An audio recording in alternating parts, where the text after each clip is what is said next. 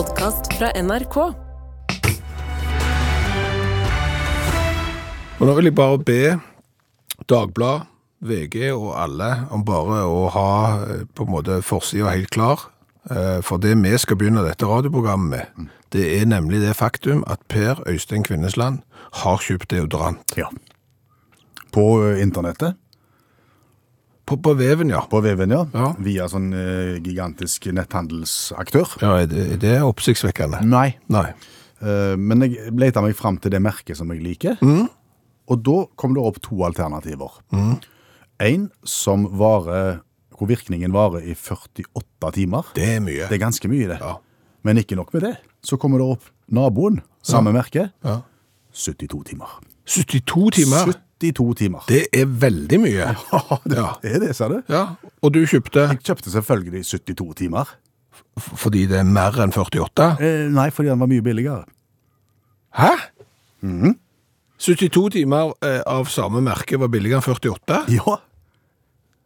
Det er ganske spesielt. Han har ikke greie på hvordan de eh, bygger opp deodorantene sine, men jeg vil jo tippe at eh, for at den skal vare i 48 timer, så har du noe oppi. Ja. Og hvis den skal vare i 72, så har du mer oppi av det som du eh, som, har oppi den som er 48. Og da skulle vil jo anta at det stoffet der er, er dyrere, da skulle den vært dyrere, men den var billigere. Nesten 50 kroner billigere. Jo, menings... Ja. Så, er ikke det en forretningsfilosofi som på en måte gravlegger seg sjøl? Jo, det er litt som eh, en sånn en, eh, et, en strømleverandør som ringer til meg. Og de gir seg ikke. De har ringt til meg en hel haug med ganger. Eh, fordi at jeg har jo et sånt enkeltmannsforetak. Ja. Et enkeltmannsforetak er det jo egentlig, strengt tatt. Men da eh, kan jeg kjøpe bedriftsstrøm. Det er jo helt meningsløst. Strøm er strøm. Ja, men det er jo bedriftsstrøm på det der greiene som jeg har. Eh, og så er det jo selvfølgelig, for det er så sykt billig, jeg kommer til å spare mye penger på. Eh, og så spør de eh, hva for et selskap jeg har eh, fra før. Så sier jeg, det selskapet du ringer fra. Nei. Eh, ok. Eh, så det du vil da, det er at jeg skal bytte til en strømavtale hos deg, som gjør at jeg betaler mindre penger, ergo betaler, tjener du mindre penger på meg. Blir det stille, da? Veldig. Ja, sant. Ja. Ja, men Det er jo litt det samme her. for jeg tenker at Når du kjører 78-timersvarianten, Ja. da varer jo den i tre døgn. Ja. Ergo trenger du mindre deodorant enn hvis den hadde vart i ett døgn. For da måtte du jo påført Hvis du skal, hvis du skal la være å påføre den. Ja, ja, og i tillegg så er den jo billigere òg. Det er jo helt rart. Men, men du, 48-72 timer ja, det er lenge. må være greie. Altså, sånne tall på deodoranter og sånn, Ja. du oppfordrer jo eh, til, til dårlig hygiene.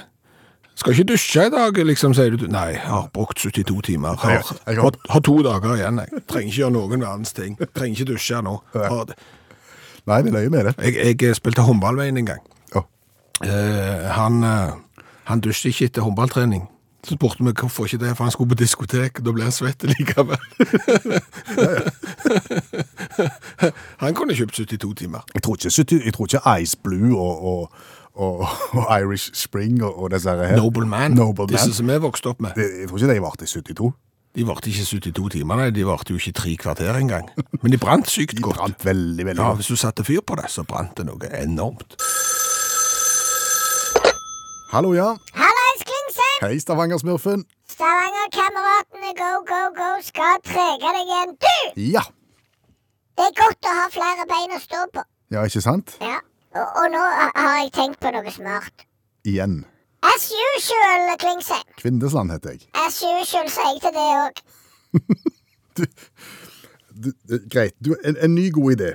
Ja, altså, det her tror jeg kanskje er den beste ideen jeg har hatt noensinne. Men i og med at du sier at du, det er godt å ha flere bein å stå på, så er vel det en indikasjon på at de andre beina har vært litt ustødige? Bitte litt. Ja, ok. Ja. Jeg, jeg, jeg, lanserte jo for deg sist et sånn et CO2-lagringsprosjekt der du skulle pumpe CO2 ned i forskjellige vann rundt omkring i Norge og lage sprudlevannskilder. Ja. Ja, da ringte der en sur geolog til meg. Å, Og så sa han mye, og så forsto jeg det ikke, men jeg tror ikke det var så lett. nei, så du har lagt den død, og så har du da kommet opp med en ny idé. Ja. Fortell. Omvendt voldsalarm. Det har vi hørt om før. Og det er ikke en voldsalarm som er plutselig blitt kristen. Det er ikke det som er en omvendt voldsalarm. Nei. Eh, fortell hva en omvendt voldsalarm egentlig er. Tidligere så var det jo sånn at du eh, Hvis du hadde noen som, eh, som du ikke ville ha besøk av fordi de ikke hadde gjort deg noe godt, så kunne du trykke på en voldsalarm, og så peip det ned hos politi, og så rykte politiet ut. Men omvendt voldsalarm, det er sånn at da har eh, kjeltringen på seg en sånn en eh, på foten, lignende ting. Og hvis han da nærmer seg Det pleier å være han, ser du. Ja.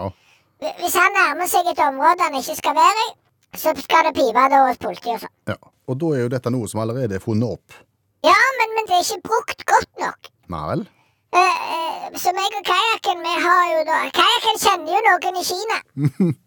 så vi har fått tak i på en måte et sånn et parti uh, med sånne. Oi sann. Som vi tenkte vi skulle bruke i, i privat uh, til, til noe privat. Hvem er det som har behov for omvendt voldsalarm hvis det ikke har med vold å gjøre? Jeg er sikker på at du har bruk for, for eksempel. Ikke spesielt. Det vet du ikke om, for du har ikke hørt hva jeg har tenkt å si. Fortell, da. Bør du spise store mengder med smågodt? Nei. Klarer du å la være? Ja, Sliter litt med det. Riktig det, ja. Mhm. Der ser du. Du kunne da hatt omvendt voldsalarm på foten. Sånn at når du da eh, nærmer deg smågodtavdelingen i butikken, så peip det. Så piper det så høyt at det blir flaut at jeg går. Ja, så må du gå vekk. Ja, OK. For da piper det så høyt at det er flaut. Du kan jo velge å trosse dette, her, men da blir, blir det flau, flau, flaut for deg. Og i tillegg da så vil det ringe på alarmsentralen hos kajakken. Ja vel, rykker han ut, da? Nei. Han kan rykke ut hvis du har betalt for det. For der her kan du bestille da omvendt voldsalarm. Så kan du sjøl si hva du vil at eh, voldsalarmen skal pipe på. For eksempel kanskje har du et alkoholproblem. Så skal ikke du bort i ølsalget. Du skal iallfall ikke på polet, du skal iallfall ikke på pub. Nei. Da vil jo kajakken og meg programmere de områdene som du ikke skal bevege deg inn i. Så kan du enten betale bare for piping, eh, eller så kan du betale for utrykning òg. Da kommer vi og henter deg. Og drar deg vekk fra smågodten, eh, puben eller hva, polet eller hva det måtte være for noe. Ja, men det er genialt! Ja da. Ja, fordi det er jo så mange som har så veldig mange gode forsett. Ja, det er det. Og så får de det ikke til. Nei. Det begynner å røyne, sant? så plutselig så forsvinner viljestyrken på torsdagen, for det er jo snart helg, så jeg kan jo godt ta en liten allikevel. Jeg tenker dere kan ha et voldsomt salg av dette her rundt nyttår. Ja, ja, ja. Og, og det, du kan velge fritt. Altså, det er ikke opp til oss å bestemme hva du ikke skal uh, gjøre. Nei. Du forteller oss hva du ikke vil at du sjøl skal gjøre, men som du ikke har viljestyrke til å la være. Så legger vi det inn da i omvendt voldsalarm, sånn at det piper. Hva er månedsprisen for å abonnere på dette her? Det, det er ikke 100 men det, men det er klart at eh, her vil det være en grunnsum. Og, og hvis du da velger utrykning, så betaler du per utrykning i, tillegg. Skjønner. Så det ligger jo et abonnement der, og det er jo datatrafikk og sånn, så det er jo så, så gratis er det ikke. Det må, det må være lov å si, men, men jeg tror det kan hjelpe mange veldig mye. Takk for praten. Bare si hva du vil ha, Klingsheim, så skal jeg programmere en til deg, jeg. Kvindesland heter Jeg jeg. kan eksempel lage en sånn at du ikke kan gå inn i radiostudio uten at det piper, så blir jo folk spart for det greia òg. Da har jo du ingen å ringe til. Av og til, Klingsheim. Bare av og til. En sjelden gang så, så slår du til. Den hadde jeg ikke tenkt på deg. Ha det godt, du. Snakkes! Ha det. Et bomiljøliv, det er topp. Jeg har regnet litt på bobil. Du har regnet litt på det. Ja, altså for jeg, jeg har hytte. Det har du òg. Det er ikke rimelig. Det er ikke rimelig. Det er jo sånn at du må prøve å få ned døgnprisen på hytta under tresifra eller firesifra beløp, liksom. Det, det er jo på en måte dyrt. Men, men så tenker jeg jo sånn at eh, hytta har jo gjerne en tendens, litt som bolig, til å stige i pris. Sånn at det, jeg skal få igjen en del av de pengene, er liksom planen. Du tenker at det gjør du ikke med bobilen? Det, det vet ikke helt. Altså, for jeg tenker, det er jo en bil. Og ingen av de bilene jeg har hatt, så lenge jeg har hatt bil, har på noe tidspunkt som helst blitt mer verdt enn når jeg kjøpte den. Nei, men du har ikke hatt biler som kan pusses opp innvendig heller, med eget toalett og, og palisanderseng og sånn. Nei, nei, nei, jeg har ikke dusjt i noen av bilene mine. Nei. Det har jeg ikke. Men, men eh, og så er det jo veldig snakk om, og da har jeg hørt det for bobilentusiastene, altså at den der friheten, at du, du trenger liksom ikke dra til eh, Mallorca og være på Mallorca. Altså du kan kjøre til en plass, så kan du bo der, så kan du kjøre til en annen plass, og så kan du bo der. Eh, Men det der regnestykket mitt kommer, litt, kommer inn. Fortell oss hva du har funnet ut. Nei, altså Først så sjekket jeg jo hva koster en bobil. Ja, Hva koster en bobil? Er en god del. Ja. Ja. Eh, Den eh, forhandleren jeg sjekket, de hadde den billigste de hadde til var brukt. Det var 549 000. Det dyreste de var godt over to millioner. Oi. Så, der, så derfor så brukte jeg bare eh, tok utgangspunkt i én million kroner, for det er lett å regne med. Ok. Ja. Bobilen koster én million i innkjøp. Ja. Eh, da kan du for den prisen der, én million, så kan du bo 666 netter på hotell hvis du betaler 1500 kroner natta. 666. Ja, the number of the beast. Ja.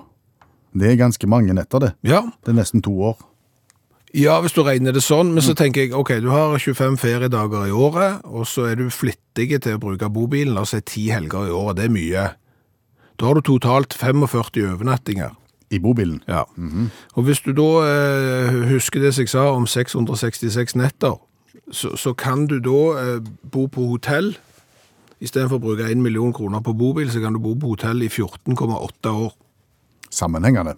Nei. Nei, altså hvis du bor Med- med- med 45. 45 45 overnattinger i året, så kan du bo da på hotell i eh, 14,8 år. Så klart det, så vil jo bobilentusiastene si, ja, men jeg kan jo selge bilen, det er jo en inntekt. Ja, så kan jeg si, du skal jo drifte bilen, drivstoff, service, forsikring og greier, det er en utgift. Så, så det, det, er jo ikke, det er jo ikke 100 Det er jo jeg som har regnet på dette, så det er jo ikke 100% Og så har du ikke tatt med idyllen. Så- Altså, der du kjører fra A til B, fra, fra overnatting til overnatting. Altså, det er ikke bare overnattingen i bobilen Nei, men jeg kan jo kjøre samme strekningen B i min bil, og bo på hotell, ja. og bo på hotell. ja. Og da får jeg bacon til frokost. Og bedre seng, kanskje. Ja, Det må du ikke si høyt, for da får du bobilfolk på nakken. Men, men, men uh, jeg tror ikke vi har overbevist noen som sitter på, på, på, på bobilgjerdet og lurer på om de skal eller Har du ei. horn i sida til bobil? Nei, nei, på ingen måte. Altså, Jeg har aldri ligget i bobil. Det er sikkert kjempekjekt. Jeg har eh, ligget en natt i campingvogn. Ei natt. Ja, ikke hele, fordi at det var så begredelig at jeg eh, Heldigvis lå den campingvogna så nærme noen jeg kjente, at jeg ringte på der i ett-tida på natta og spurte om jeg kunne få overnatte. Sier kanskje mer om campingvogna jeg lå i, eh, men det var ikke, det var ikke en høydere. Et bobilliv, det er topp. I serien der er en første gang for alt, eh, er vi kommet til nyhetssaken som har prega preget, jeg tror vi kan si, internasjonale medier. Eh, om en Tesla-eier som havna på fjorden i Oslo og ble redda over en flytende badstue. Her, her er det mye. Det er veldig mye. Ja. Og du tenker jo at det, det må jo være den mest unike redningsaksjonen i historien. Ja. Eh, men hva vet nå vi? Allmennlærer med to vekttall i musikk, Olav Hove. Er det det? Ja, kanskje med, kanskje med utstyret som ble brukt, da, men sånn i forhold til rar redningsaksjon, så tror jeg ikke det, nei. Nei. for Nei, det for flytende badstue og Tesla sammen, det, Ja. er- det er liksom Det er det Oslo har å by på. Ja, det er en sjelden overskrift, det er ikke tvil om det. Men det, du har jo liksom sånn der premisset plutselig snur, da, som er litt artig. Og det er jo eksempel i 2012 så var det et asiatisk reisefølge på tur på Island. Og eh, en dag så kom de til den her Elja-kløfta, som er en sånn vulkansk kløft. Så gikk de ut der og gikk tur og sånne ting, og så når de kom tilbake igjen og skulle bussjåføren registrere alle sammen, så mangla det ei dame. Mm. Beskreven som asiatisk dame, ca. 1,60. Eller alle.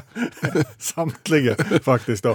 Men det var jo ikke bra, for det var det vulkansk aktivitet. og det var, De slo liksom alarm, så Kystvakten blanda seg, og helikopter og politi og brannvesen. Men så kom det skodda. Og dermed så hadde det problemer. Og Bussjåføren han, han prøvde liksom å ringe inn og for, for, liksom, finne ut hvem hun dama her som mangla var. liksom, Og sånne ting, og, liksom, og ringe til reiseselskapet. da. Og da var det ei dame inne på bussen som fant at det, vi kan ikke bare sitte her nå, vi setter inn time, og vennen vår, vi vet ikke hvem det er, for vi kjenner ikke hverandre, er vekke. Så dermed så tok hun tak, og så begynte hun å organisere det, og fikk folk liksom gikk ut av bussen i stiletthælene sine og inn i kløfta i, i vulkanske områder der for å lete etter denne dama.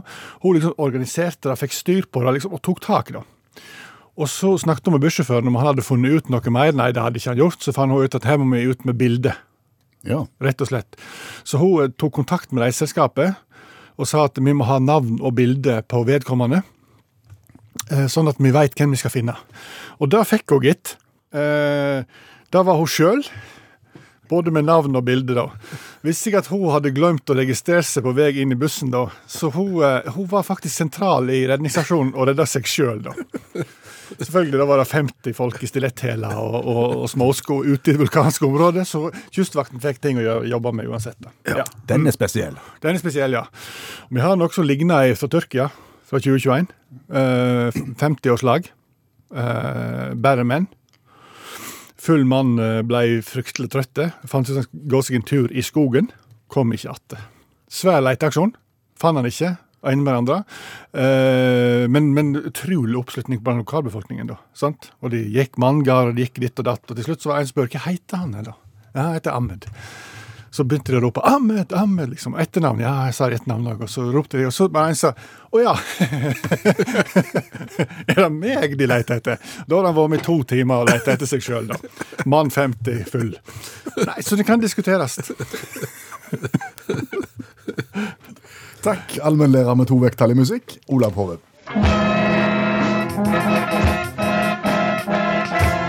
Homonym, har du kontroll på det? Det var et nytt ord for meg. Homonym. Homonym, ja. Det er et nym som liker et annet nym. Det er ikke det, ser du. Nei. Nei. Eh, er, er dette her et grammatisk uttrykk? Ja. Ok. Eh, da er det noe som er én, tenker jeg. Fordi at det Én. Ja, altså noe Én homonym. mm, Nei. Nei, Nei. nei, nei så det, det har noe med at noe som er i entall, på en måte. Å ja. Altså, homonym er ord som har samme skrivemåte eller uttale, men forskjellige betydning. Å, Ja. eksempel. Eh, kart. Ja, norgeskart eller eplekart. Ja. Jeg sier kart, jeg. Kart. Ja. Ja, skrives jo likt, da, Ja, ja. uansett. Bolle, Hvis du skal ut og kjøpe boller, du kan komme hjem med to vidt forskjellige resultat. Kan du det? Ja, kan du ikke det? Du kan gå på bensinstasjonen og kjøpe deg ei bolle, det er ei bolle, eller så kan du gå på manufa er ikke manufakturen, eh, Isenkram-butikken og kjøpe ei annen bolle. Å ja, sånn ja, ja, bolle til å ha ting oppi. Ja, Skjønner. Det var eksempler på homonymer. ja. Og, og hvordan har vi klart å male oss inn i, unnskyld, hvordan har vi klart å male oss inn i det hjørnet der? Med homonym. At vi ikke klarer å finne på nye navn. At vi kaller ting for det samme. Ja, så at ingen sa stopp. Hallo, det, du kan ikke kalle det der for boller, for det er opptatt. Det er noe annet som heter boller, det er noe annet som heter kart. Vet du hva det er der? Du kan ikke gå ut på den matta der og kalle deg for bryter. For det er, ordet er oppbrukt. Det er noe du bruker eksempel hvis du skrur av og på lyset. Eh, sant? Nei da, jeg skal bryte brødet i tillegg når jeg har nattverd. Eh, du kan også eh, være, altså, det kan også være verb. Det er jo bare rør. Noen må sette ned foten. Altså, hvorfor har vi så mange eh, ett kjede og én kjede? Kanskje for det har kommet fra ulike deler av verden, dette her. Også noe fra lavtysk, noe fra høytysk. Ja, men det hjelper jo ikke hvor det kommer fra. Det er jo opptatt. Hvis men- du vil starte deg band, Ja. så kan ikke du kalle deg for ACDC eller Coldplay. Du kan ikke det. Du kan ikke turnere rundt, du som er artist alene, med kassagitaren din. Du kan jo ikke spille kassegitar, så det hadde vært artig. Og kalt det for Coldplay, eksempel. Jeg kunne kalt deg Bonnie M. Det hadde gått. Bonnie M går, for det, der er det så mange. En fra eller til på Bonnie M gjør ingen verdens ting. Nei. Men, men ord som allerede er brukt, Ja. du må jo ha, da må du sette foten ned. Ja, men det er jo ikke, det er jo ikke en nemnd her. Det er, jo, det er jo på en måte ingen som, som sjekker. Du, kom, du kommer ikke til et kontor og sier du, nå skal du høre, jeg har et nytt ord her. Lurer på om det kunne vært Ja, det burde det kanskje vært. Ja. At du må banke på Mm. og si 'hallo, jeg jeg har et forslag til ord her'. Eh, Og det er helt nytt. Det har aldri vært brukt. Det er, det er Jeg skal ikke nå komme med et nytt substantiv som det òg er et verb. Altså helt nytt ord. Det, det burde det jo ha vært. Ja, På det et eller annet tidspunkt så Altså hvis Noen må jo ha kommet og snakket med noen en eller annen gang. ja. Et ord som den andre mente betydde noe annet. Og det må jo ha blitt kaos. ja. Og du kan jo tenke deg komme til Norge, og så skal du lære deg norsk. Og så skal du f.eks. ut og kjøpe boller, ja. og så blir det stygt. Du tror ikke at eh, dette her er et eh, kjent problem i alle verdens land? Jo, det tror jeg. Ja. ja. Men det betyr jo ikke at ikke vi må våge å snakke om det for det.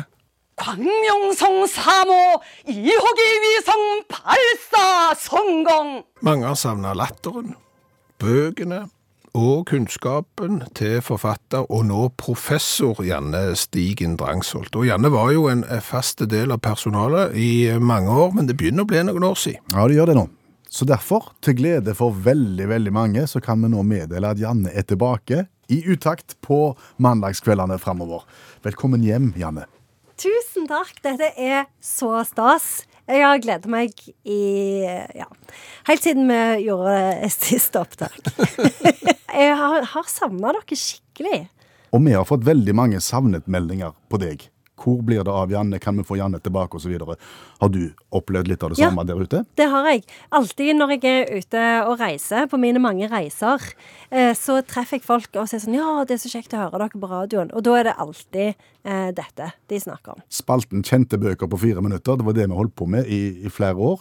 Den blir hørt i alle samfunnslag, har jeg skjønt? Det har jeg òg. Jeg har eh, jo òg hørt at det er noen som bruker Bruker den for å jukse litt, hvis de skal forberede seg, og så har de litt dårlig tid. Å, du tenker på ministre? Ja, for eksempel. Men, men for de som ikke har hørt denne spalta før, Janne, beskriv hva vi holder på med. Ja, for det, det vi gjør, det er at vi eh, oppsummerer jo et verk i eh, ganske få ord.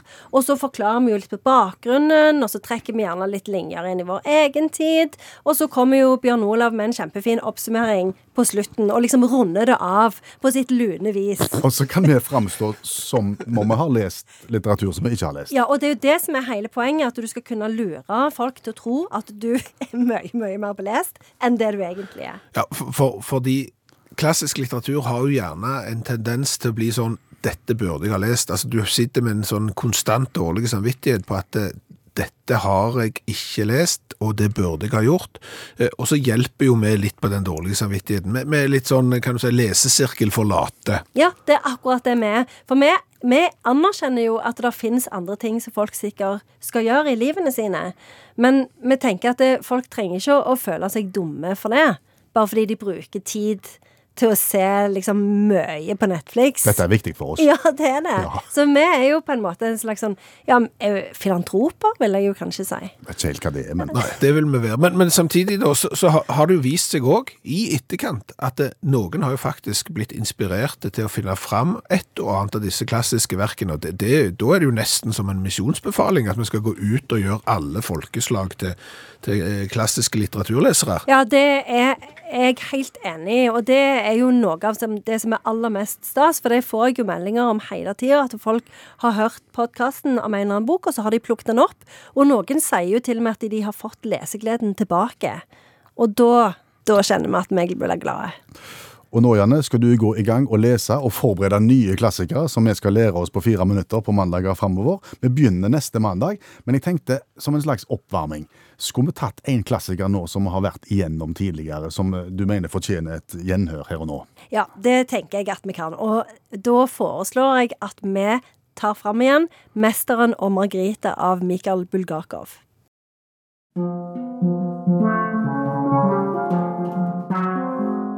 Mesteren og Margarita' av Mikael Bulgakov fra 1973.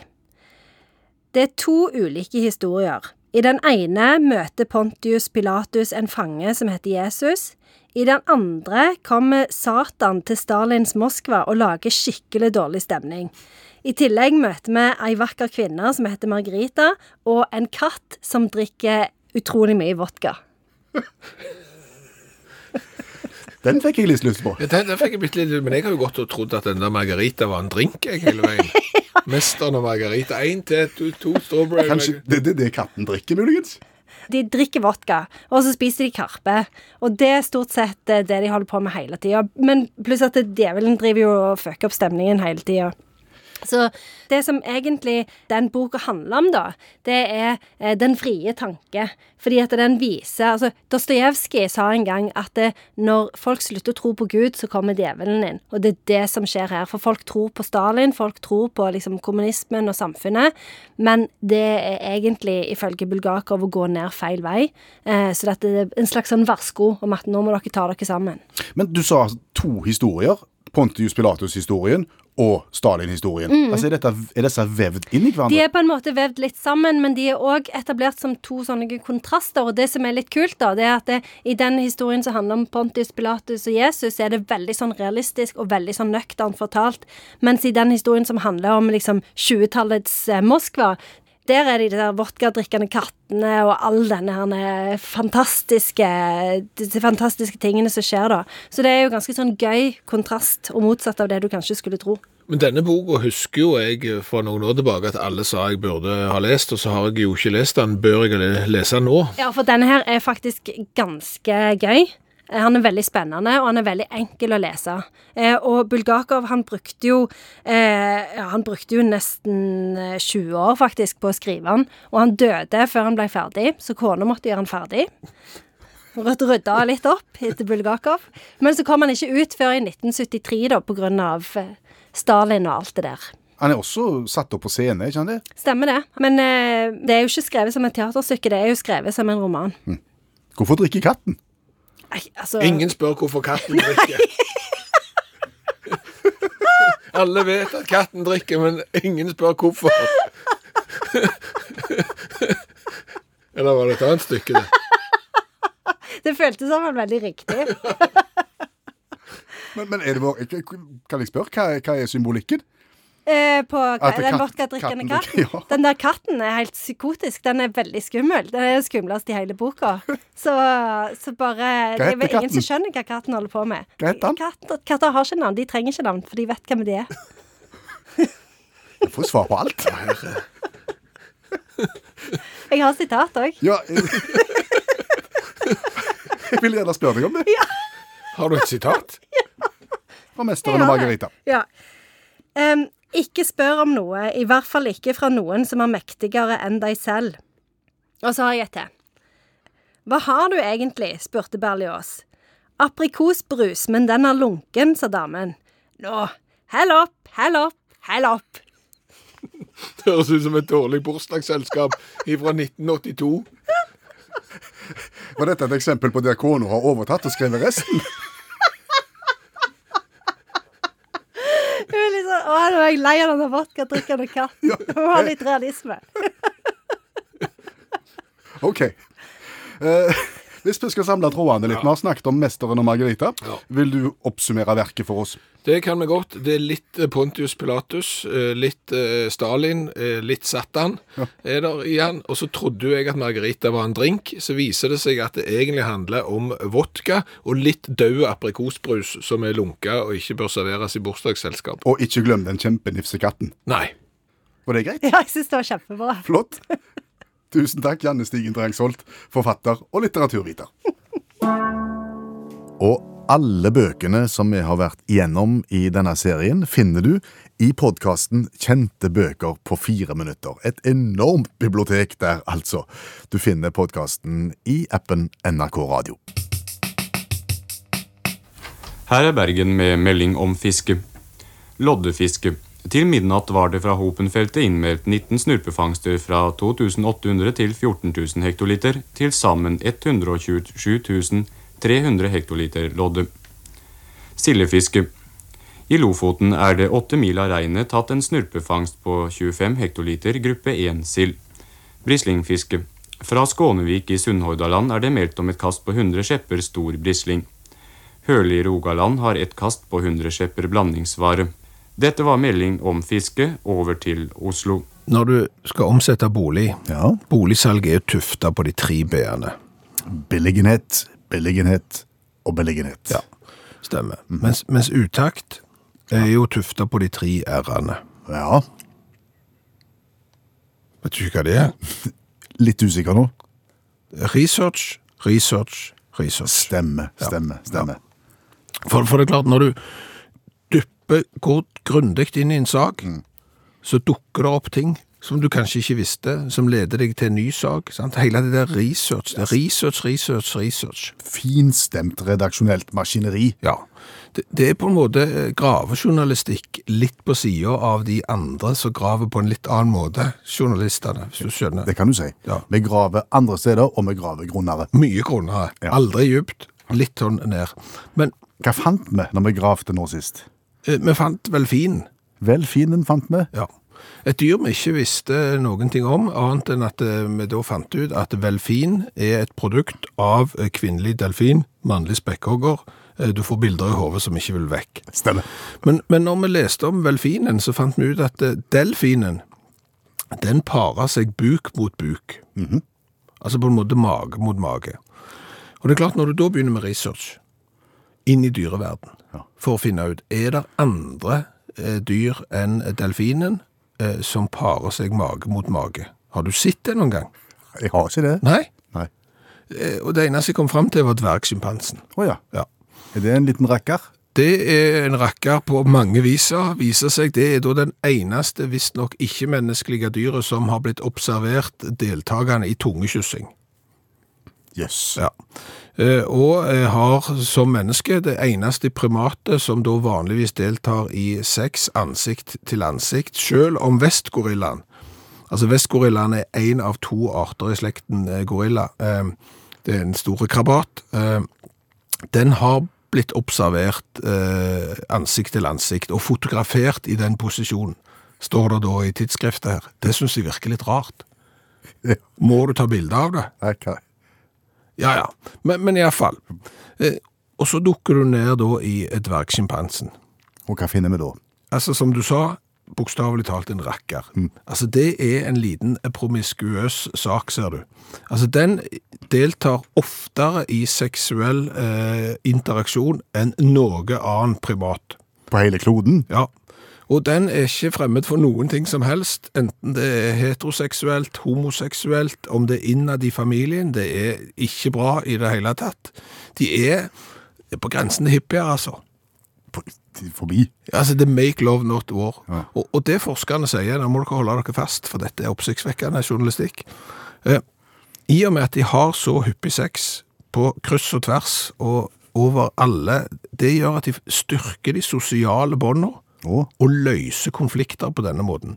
Og forskerne mener at det er derfor at dvergsjimpansesamfunnet er relativt fredelig, mens eh, den nære slektningen, sjimpansen, som bare har sex for eh, eh, reproduksjon, der er det en harang av vold og bruduljer.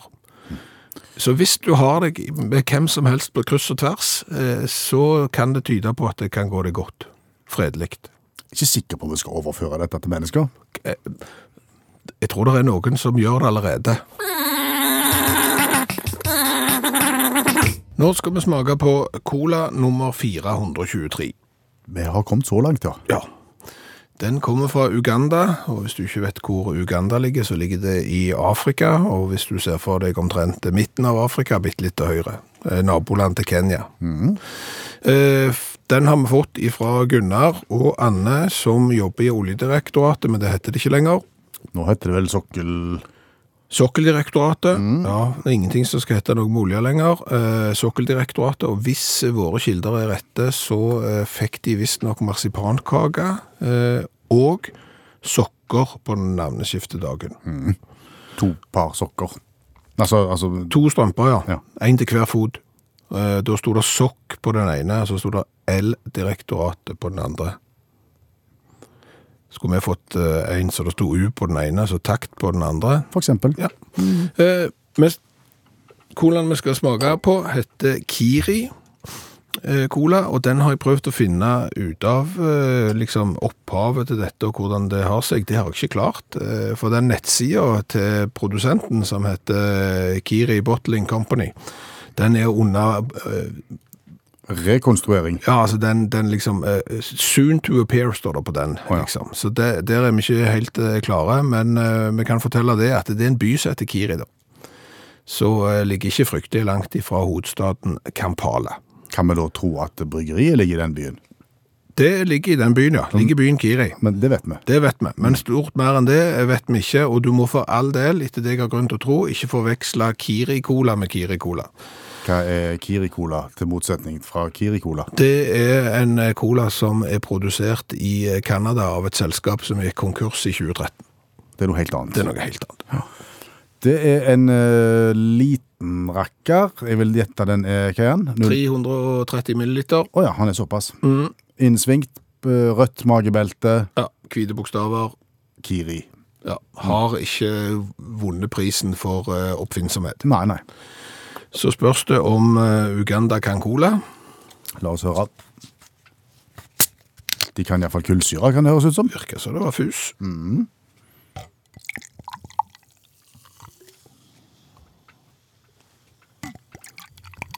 De produserer jo en hel haug med sånne andre eh, løgnas greier òg, med forskjellige farger og sånn.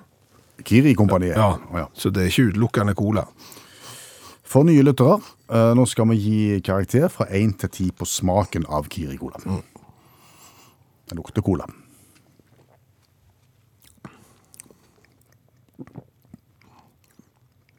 Smaker cola òg, men ettersmak av et eller annet uh, tyggeaktig. Enig.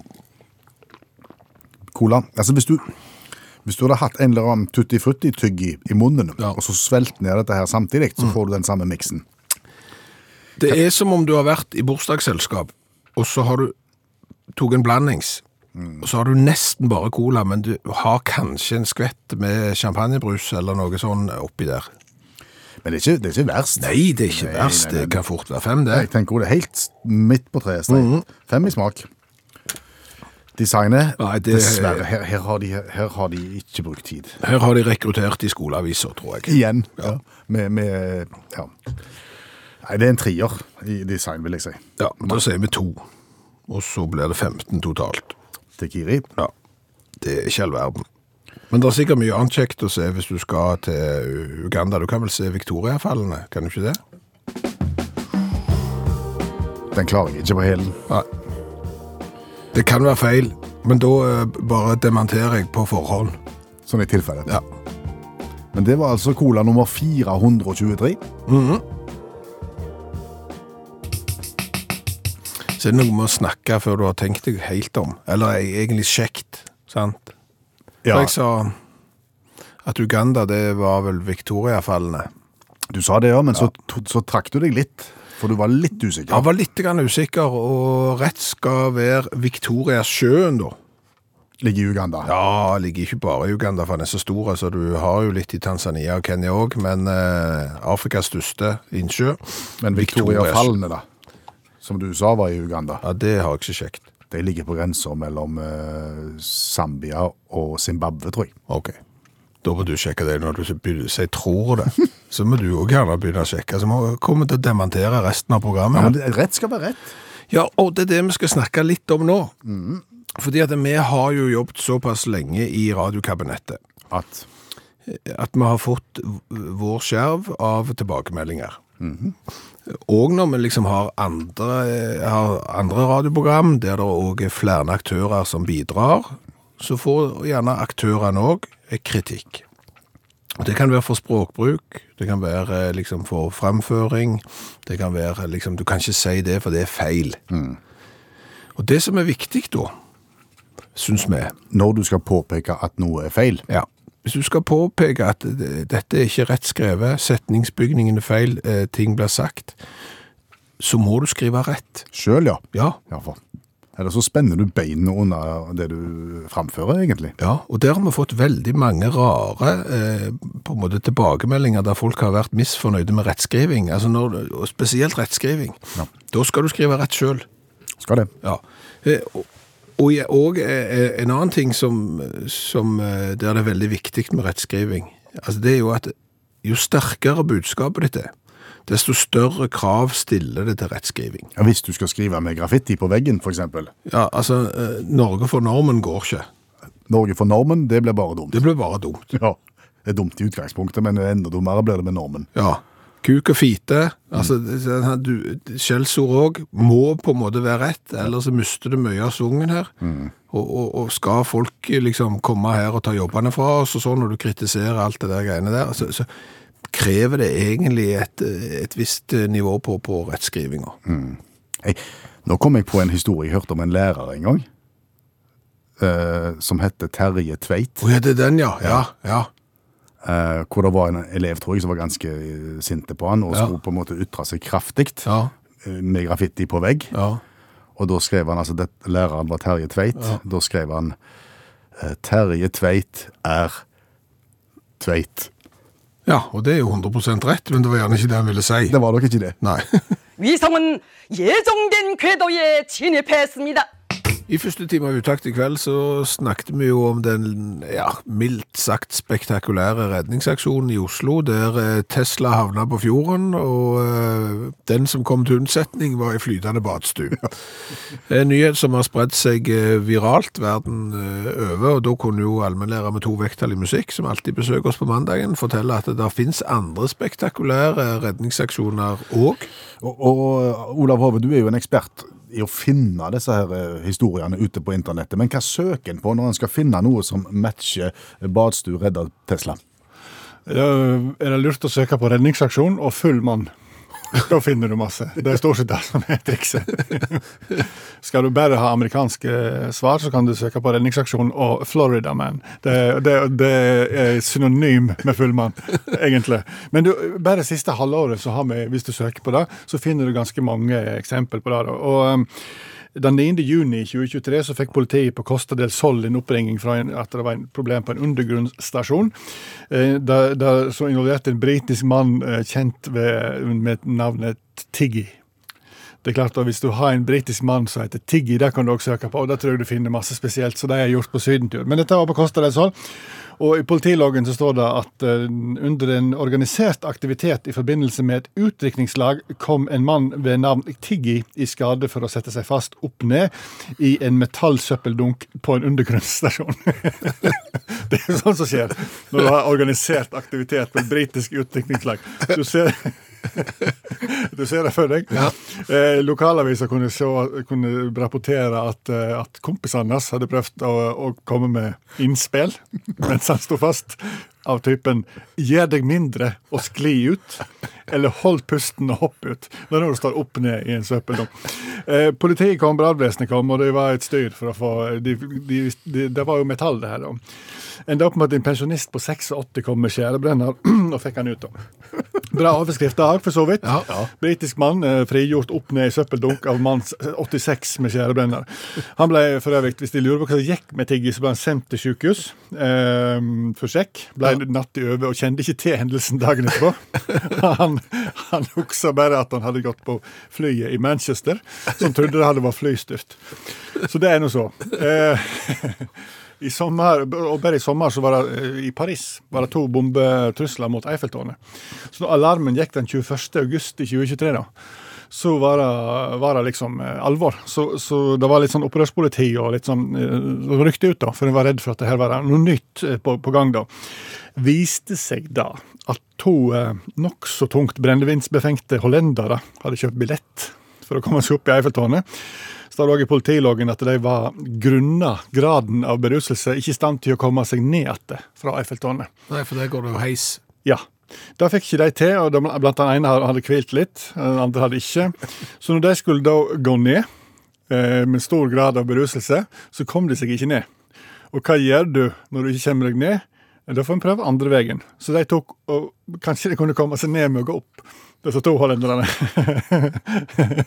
det gikk ikke, og begge klarte å kile seg mellom del to og tre, altså eh, nivå to og tre på Eiffeltårnet, og ble hengende fast der, da. Så den ble, ble overskrift i opprørspoliti frigjorde to sjølkilte hollandske menn i Eiffeltårnet. Så full menn. Bare drikk nok, så er det muligheter. Takk, eh, allmennlærer med to vekttall i musikk, Olav Hove. Nå skal jeg gjøre meg dummere enn jeg er. Det er ganske lett. Ja, ja, det er ikke vrient. Eh, Hva het grashopper før? Hva grashopper? Gresshopper? Ja, De heter vel gresshopper? Altså, før? Har de, har de hett noe annet? Nei, altså for det eh, Altså, eh, gresshoppene er jo muligens den eldste levende gruppen av tyggende planteetende insekter. Ok. Kan dateres tilbake til Trias. Tidlig Trias, faktisk. Før jurakritt? Du har kontroll på de der. Jeg mener det var det som var rekkefølgen. Altså, det er jo enormt lenge siden. Ja.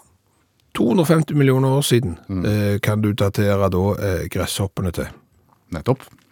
Gress Jeg sier jo ikke gress, men jeg kan si det hvis det er tydeligere. Si gress. Gress. Før 2005 mm. indikerte fossile funn at gress, gras, utvikla seg for rundt 55 millioner år siden. Men så har de funnet noe mirakels der eh, fra kritt, som tilsier da at eh, du kan datere graset tilbake til 66 millioner år siden. Men du er jo fortsatt nesten 200 millioner år Etter grashoppen, ja. etter grashoppen, ja. Hva har de gjort da i de 200 millioner årene der det ikke var gras? Nei, da har de nok hetta noe annet. Da har de bare vært hopper. Antageligvis. Ja. Ja. Det, det, jeg ser at det ble Nå gjorde vi oss dummere enn vi er, men som sagt, det er en rolle vi behersker ganske godt. Men det er jo litt interessant. Altså, Gresshoppene er mye eldre enn graset. Det er litt grann spesielt. Da har vi lært det. Ja, Er det noe mer å si om gresshoppene? selvfølgelig er det det. Ja. For hva har vi sagt om eh, forskningsmidler?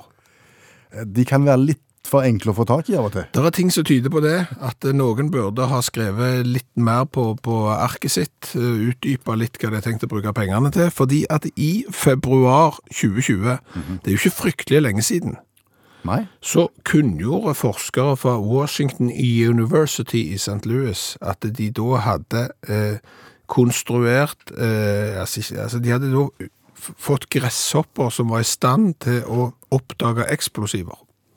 Jøss, har, har de dressert gresshopper? Utstyrte gresshoppene med lette sensorryggsekker. Her må du bare henge med. Det er her. Eh, og, og de kunne da eh, overføre eh, aktiviteten da, eh, via noen antenner til en datamaskin. Og ifølge forskerne så var grashoppene da i stand til å oppda oppdage plasseringen av høye konsentrasjoner av eksplosiver. Så du har på en måte bombehunder og bombegresshopper. Ja, men Hva er det som gjør at de oppdager det, eller? Det er jeg litt grann usikker på, eh, men, men det var de ganske gode til. Og så fant de ut at eh, sant, bombehunder trives gjerne best alene. Jeg er sikker, jeg har ikke sett bombehunder i flokk, så dette har jeg ikke greie på. Men, men eh, bombegresshopper eh, trives best i flokk. Ja. Så eh, forskerne fant da ut at eh, hvordan effekten var med å kombinere den informasjonen som gresshoppene kom med, eh, hvis de da var i flokk. Og, og de fant ut at eh, syv gresshopper sammen ga en gjennomsnittlig deteksjonsnøyaktighet på 80 Yes. Da fant de eh, liksom 80% av eksplosivene, mens hvis du var en eh, ensom liten eh, eh, rakker av en eh, grasshopper, så fant du bare 60% Men den ryggsekken Den skulle jeg likt å sitte. Ja, og, og, og, når de, og når de tar den på Ja, er det bæremeis, liksom? Ja. Hvordan er antennene? Bruker de eh, grashoppens egne antenner med forsterker? Det er mye spørsmål her. Men det er da dette er universitet som har fått, og de har fått penger av US Office of Naval Research. Jeg vil jo si at dette er vel anvendte penger, hvis du kan bruke gresshopper til å avdekke eksplosiver. Ja, ja, selvfølgelig, men det jeg ikke forstår da, ja, ja, det er jo bombe, det er jo, altså, Naval Research, det er jo havet. Ja. Og der ville jeg ikke brukt gresshopper til sjøs. Nei.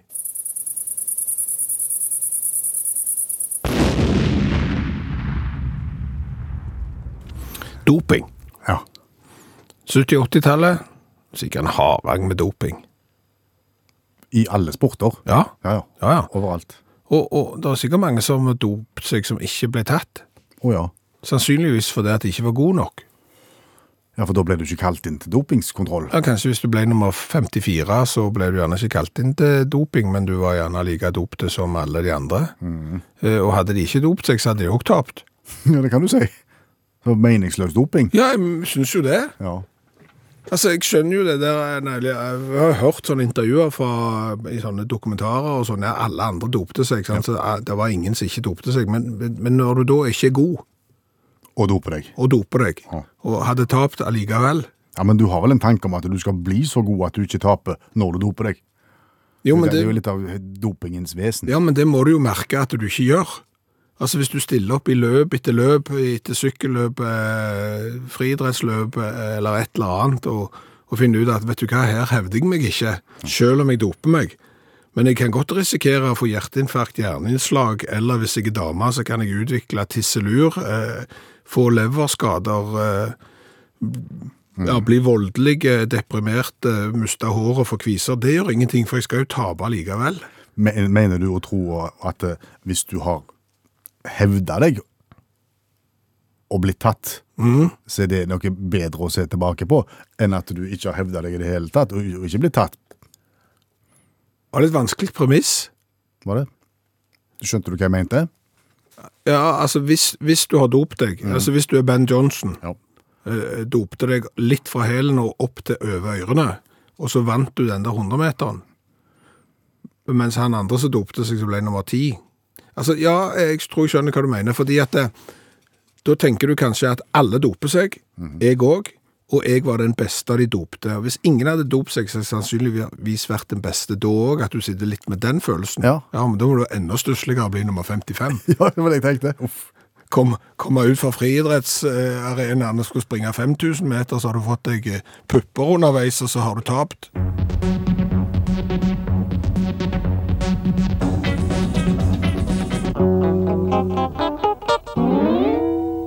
Det begynner å gå mot slutten, Skjæveland. Vi må spørre oss sjøl hva har vi lært i kveld?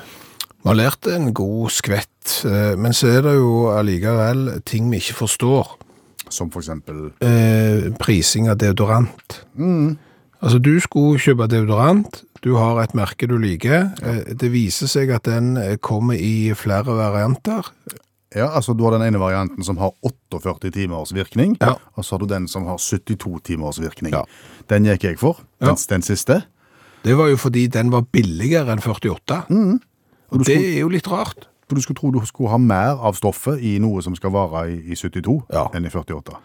Og så tror vi jo kanskje at når du begynner med sånne deodoranter som har 48 og 72 timer eh, varighet og sånn, det bør det ikke være. Jeg ville sagt, ta 24 timer og så vask deg heller. Ja. Det tror jeg kunne vært en veldig god idé. Kanskje ikke si til ungdommene liksom, må du gå og dusje? Nei, jeg trenger ikke dusje. Jeg har jo sånn 72 timers deodorant. Hysj! Eh, Så har vi jo lært eh, at det har eh, vært en del rare redningsaksjoner. Dette så vi jo på fordi en Tesla kjørte ut i fjorden i Oslo og ble redda av en flytende badstue. Ja. Det er jo en litt rar overskrift, og den overskriften har jo spredd seg verden over. Men på Island og i Tyrkia så har det vært avholdt redningsaksjoner der den de har lett etter, har vært med på redningsaksjonen sjøl. ja. For de har ikke fått med seg at det er deg de leter etter. Nei. Det har vært eh, tilfeldigheter som har gjort at de har blitt meldt savna, Ja. og så har de hevet seg på og styrt på, og helt til det ble ropt navn. Ja. Da reagerte de. Eh, Å ja, var det meg, ja. Det har vi lært. Så har vi lært for alle som er tilhengere av uh, Janne Stigen Drangsholt og hennes uh, evne til å formidle litteratur. Janne er tilbake i utakt etter en del års pause, Ja. og det er det veldig mange som setter pris på. Ja, og i sitt eh, fravær fra radioen så har hun blitt professor, professor, -hmm. men skal nå gå i gang igjen med spalten kjente bøker på eh, fire minutter, så fort kan bli fem minutter, alt ettersom. Men da kan vi lære oss klassisk litteratur uten at vi nødvendigvis trenger å lære den. Ellers så er det sånn at mange får da den lille dutten bak til å finne fram klassisk litteratur. Vi har allerede fått mange spørsmål på Facebook-grupper som heter Utakt for av fans. Hva bok snakket dere om i dag? 'Mesteren og Margarita'. Å, den skal jeg finne, den har jeg lyst til å lese. Så dette hjelper. Så har vi jo lært det at Norge har, det norske språket har altfor mange homonymer. Ja, det er ord som skrives helt likt, men som eh, betyr noe helt annet. Ja, og hva er vitsen med det? Altså, hvordan klarte vi å male oss inn i det hjørnet at vi ikke fant opp et nytt ord for noe som var nytt? Vi måtte bruke et som allerede var opptatt. Noen burde jo ha satt ned foten og sagt stopp. Dette her ordet er oppbrukt. Vårt bilde på dette var at vi kan ikke turnere med et band som har valgt å kalle for ACDC. Det ble bare dumt. Ja, det ordet er oppbrukt. Så har vi til slutt lært at i dyreverden så er det dvergsjimpansen som er en liten rakker, har seg med alt og alle, bokstavelig talt, mens gresshoppen kom nærmere 200 millioner år før gresset. Ja, så hvorfor han fikk navnet Gresshoppe, og når han fikk det, det har vi ennå ikke fått svaret på. Nei. Nei. Per Øystein Kvindesland Bjørn Lars Skjæveland, sier tusen takk for laget.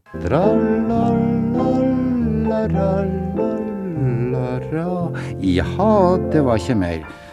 Sett nå kaffekjelen over og slapp av, og kos deg litt. Takk for nå. Du har hørt en podkast fra NRK. Hør alle episodene kun i appen NRK Radio.